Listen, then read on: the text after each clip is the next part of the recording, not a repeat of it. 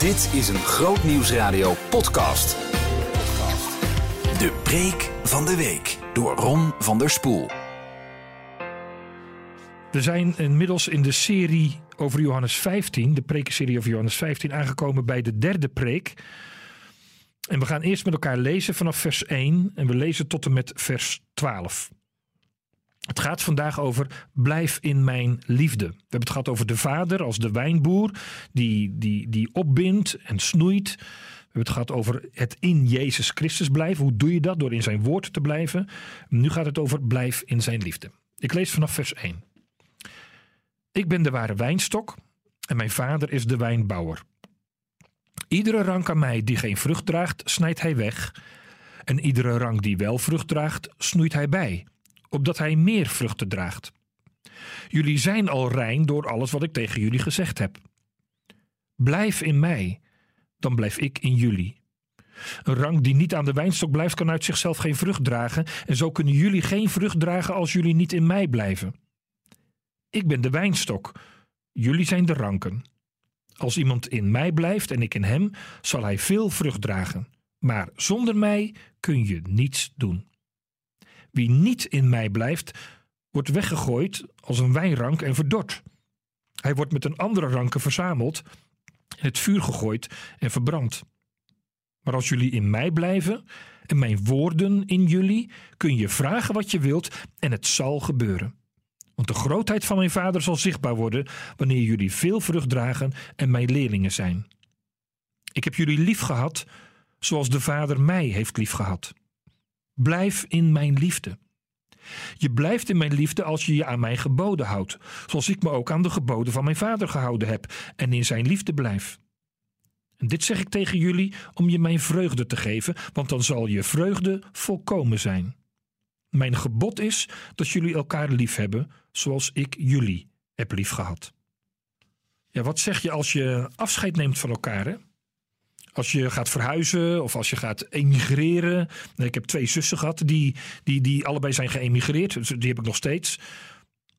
Wat zeg je bij een overlijden? Ik heb vaak aan een sterfbed gestaan en dan zie je hoe geliefden afscheid van elkaar nemen. Wat zeg je dan nog? Jezus is hier ook aan het afscheid nemen. Dit zijn zijn afscheidswoorden tot zijn discipelen. Hij is op weg naar het Gethsemane. En vlak voordat hij daar aankomt, spreekt hij de woorden van Johannes 15. En wat zeg je dan nog? Nou, eigenlijk zeg je, zoals bij alle afscheid, vooral nog hoeveel je van elkaar houdt. En dat is wat Jezus hier ook doet. Hij zegt hoe ongelooflijk veel hij van ze houdt. In vers 9 staat: Ik heb jullie lief gehad, zoals de Vader mij heeft lief gehad. Dat is onvoorstelbaar wat hier gezegd wordt. Jezus zegt hier dus: zoveel als de Vader van mij houdt. En dan voel je dat je met eeuwigheidsdingen bezig bent. Zoveel als de Vader van mij houdt, zoveel hou ik van jullie. Hoeveel houdt de Vader van Jezus? Nou, dat weten we, want dat heeft hij gezegd toen Jezus gedoopt werd in de Jordaan. En de Heilige Geest als een duif op hem neerdaalde. Toen klonk de stem van God. Jezus kwam omhoog, hè, uit, uit, vanuit die doop, kwam boven het water. De geest daalt neer en de stem van God klinkt: Dit is mijn geliefde zoon in wie ik een welbehagen heb. Dat is wat God tegen zijn zoon Jezus zegt. En nou zegt Jezus: Zoveel als de vader van mij houdt, dat ik zijn geliefde zoon ben en wie die een welbehaag heeft, zoveel hou ik van jou. Jij bent voor mij mijn geliefde zoon, mijn geliefde dochter, en wie ik een welbehaag heb. Ik hou van jou en ik geniet van jou. Dat is wat hier staat. Ik hou van jou en ik geniet van jou. Zoals de Vader en de Zoon en de Heilige Geest een drie-eenheid vormen en één en al liefde zijn. De Bijbel zegt: God is liefde. Het bruist van de liefde tussen Vader, Zoon en Geest. Het is een soort cirkel van liefde, die drie. En dan gaat als het ware die drie-eenheid gaat open. Die cirkel gaat open en dan zegt Jezus: Kom er maar bij. We zijn een vier-eenheid. Jij hoort erbij. En ik deel mijn liefde, de liefde van de Vader voor mij, deel ik met jou. Ik heb jullie lief gehad zoals de Vader mij heeft lief gehad. Het is onvoorstelbaar. En, en, denk hier nog maar een poosje over na. Ik zat een keer in een vliegtuig voor een lange reis voor Open Doors. had ik acht of negen uur de tijd en ik opende mijn Bijbeltje en ik begon te lezen in Johannes 15 en ik kwam hier bij vers 9 en ik heb uren, uren alleen maar stil verwonderd kunnen zijn. Wat zegt Jezus hier? Zoals de Vader mij heeft liefgehad, zoveel als de Vader van mij houdt, van eeuwigheid tot eeuwigheid, zoveel hou ik van jou. Ik kon er niet bij, ik kan er nog steeds niet bij. Maar ik begin iets te proeven van zijn grenzeloze, onvoorwaardelijke liefde voor mij. Dit is wie God voor mij is. En nu zegt Jezus dus: Zoals de Vader van mij houdt, hou ik van jou. Maar zegt hij er dan bij? Blijf alsjeblieft in mijn liefde. Weer hetzelfde, net als in het begin. Blijf in mij ik ben de wijnstok, jij bent de rank, we zijn met elkaar verbonden, maar blijf alsjeblieft in mij. En nu zegt Jezus, ik hou ongelooflijk veel van jou. Je zult nooit bevatten hoeveel ik van je hou. Ik heb jullie lief gehad, zoals de Vader mij heeft lief gehad. Ik kan het niet bevatten. Maar het enige wat Jezus daarover zegt is, je hoeft niet te bevatten, je mag erin blijven. Blijf in mijn liefde. Laat die liefde door je heen stromen. Besef elke dag opnieuw wat je ook gedaan hebt en wat er ook speelt in je leven, hoe ongelooflijk veel ik van je hou. Breng die liefde als het ware in praktijk. Maak hem voelbaar, maak hem merkbaar, maak hem zichtbaar. Dan blijf je mijn liefde. Hoe doe ik dat dan, Heer? Dan zegt hij er gelukkig direct achteraan. Je blijft in mijn liefde als je je aan mijn geboden houdt. Zoals ik dat ook bij mijn vader heb gedaan. Ik ben vol van de liefde van mijn vader, want ik gehoorzaam hem. Blijf in mijn liefde, jij, door je aan mijn geboden te houden. Nou, dacht ik toen ik dit uh, tot me door liet dringen. Oké. Als ik aan de tien geboden denk, dan denk ik nou niet gelijk aan een overrompelende liefde van de Vader. Een overrompelende liefde van Jezus. Jezus zegt: Je blijft in mijn geweldige, ongelooflijke, onvoorwaardelijke liefde. als je je aan mijn geboden houdt. Hé? Weet je hoe dat komt? Ik heb mijn hele leven onder de tien geboden gezeten. Dat was tijd voor het eerste pepermuntje. Want ja, je kende dat riedeltje wel.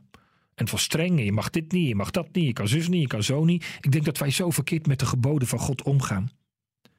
Als er, als er iets is wat ik leer van het Joodse volk, ook vandaag, is dat hoe zij in de synagoge met de tien geboden en met de Torah, met al die, al die wetten en regels van God omgaan. Jezus zegt, hier ietsje verderop, ik zeg dit om jullie mijn vreugde te geven. De geboden zijn voor Jezus een bron van vreugde. En dat merk ik ook bij het Joodse volk. De geboden zijn een bron van vreugde als de geboden gelezen zijn, als de Torah gelezen is in, het, in de synagoge, die wordt altijd eens in de zoveel jaar, wordt die hele Torah gelezen. Ik geloof dat het een cyclus is van drie jaar. Dan lezen ze dus iedere uh, Shabbat, uh, zaterdag, in de synagoge een stukje van de Torah en wordt dan uitgelegd. En dan aan het eind, dan krijg je een feest als het de, de Torah uit is, dus als we bij Deuteronomium, aan het slot van Deuteronomium gekomen zijn, dan is er een feest. Dat heet Shimgat Torah heet dat feest. Vreugde van de wet. En je moet maar eens op, op, uh, op uh, YouTube kijken. Als je dat invoert, Simgat met CH, Torah. Uh, wat voor feest dat is. Dan zie je Joodse soldaten midden in de woestijn dansen met de wetsrollen. Je ziet mensen in de synagoge dansen met wetsrollen. Ze gaan helemaal uit hun dak met de, met de wet. Met de tien geboden voor God. Want zij beseffen, dit zijn niet zomaar regeltjes, dit zijn liefdesregels. Het zijn huwelijksregels. Het is allemaal bedoeld om de liefde de ruimte te geven, om de liefde een kans te geven. En het is nog mooier, nog één, één klein inzichtje. De, de Joodse mannen mogen dan, eh, degene die bar hebben gedaan, mogen dan lezen in de Torah. En aan het eind, degene die als laatste het slotstukje mag lezen, dat is een hele grote eer als je dat mag doen. Als je daarvoor aan de beurt bent. Die noemen ze namelijk de Gatan Torah, de bruidegom van de wet. Dan mag jij namelijk die rollen uit hun kast pakken en de eerste dans doen. Je mag als eerste een rondje dansen door de synagoge, ronddraaien met die rollen in je armen en daar God mee loven en prijzen. Dank u voor uw wet, dank u voor uw geboden. Het zijn liefdesregels en we houden van u, Heere God. De Gatan Torah is, is, is een eretitel. Ik mag de wet lezen. En dat is wat Jezus hier bedoelt. Het is een vreugde. De wet geeft vreugde. En die vreugde, die geef ik jullie. Dit zeg ik tegen jullie, zegt hij in vers 11. Om je mijn vreugde te geven, dan zal je vreugde volkomen zijn. Heb je wel eens gedanst toen de tien geboden werden opgelezen? De meeste dominees, ik ben natuurlijk zelf daar ook debet aan, die, ja, die proberen wel bewust en netjes voor te lezen. Maar het is ook een beetje, soms wordt het wel een beetje een soort ja, ritueel. Misschien moeten we maar eens gaan staan in de kerk als de tien geboden worden gelezen. Een klein beetje heen en weer wiebelen. Dat kunnen wij ook nog wel. Klein beetje heen en weer wiebelen. Oh Heer, dank u voor uw woord. Dank u voor uw geboden. Want de geboden, zegt Jezus, die, ja, als je die geboden houdt, dan breng je mijn liefde in praktijk. En daarom zegt hij aan het eind van dit stukje: hou je aan mijn geboden. Dit is het gebod wat ik jullie gegeven heb. Heb elkaar lief. Zoals ik jullie lief gehad heb. De geboden wijzen ons de weg van de liefde. De geboden helpen mij om niet meer zo krampachtig met mezelf bezig te zijn, maar om mijn ogen te richten op God en op de naaste. Heb God lief boven alles, de naaste als jezelf. Het gaat niet meer om mij. En dat is zo'n bevrijding. Dat is zo heerlijk. Ik hoef niet meer zo krampachtig op mijn tenen te staan. Ik hoef niet meer op de vierkante millimeter voor mijn eigen dingetjes op te komen. Ik ben van Christus. Ik ben bemind. Ik ben geliefd. En hij is degene die voor mij zorgt. Hij is degene die, die, die mij vasthoudt. En dat besef, het besef, het gaat niet meer om mij. Het gaat, eh, ik ben van God. Hij houdt van mij. Hij zorgt voor mij. Hij is mijn vader in de hemel. En ik ben van Jezus. Hij vult mij met zijn liefde. Hij leidt mij door zijn geest. Dat bevrijdt. En daar gaan de tien geboden over. Daar gaat de Torah, daar gaat de wet van God over. Het zijn liefdesregels. En ze leiden me af van mezelf naar de ander om die op de eerste plaats te zetten. En dan zegt Jezus, als je dat doet, en iedere psycholoog zegt het hem tegenwoordig na, hè? je bent alleen nog maar echt gelukkig, blijkt uit allerlei onderzoek, als je iets kunt betekenen voor een ander. Dat is blijvend geluk. En dat is wat Jezus hier bedoelt. Ik geef je mijn volkomen geluk, mijn volkomen vreugde, als je van elkaar houdt. En via de tien geboden en via de woorden van God in de Bijbel leer ik dat. Wat een geweldige afscheidswoorden. Ik hou zoveel van jou. Ik hou zo ongelooflijk veel van jou. Blijf in die liefde. Koester je in die liefde. Door te houden van je naaste. Amen.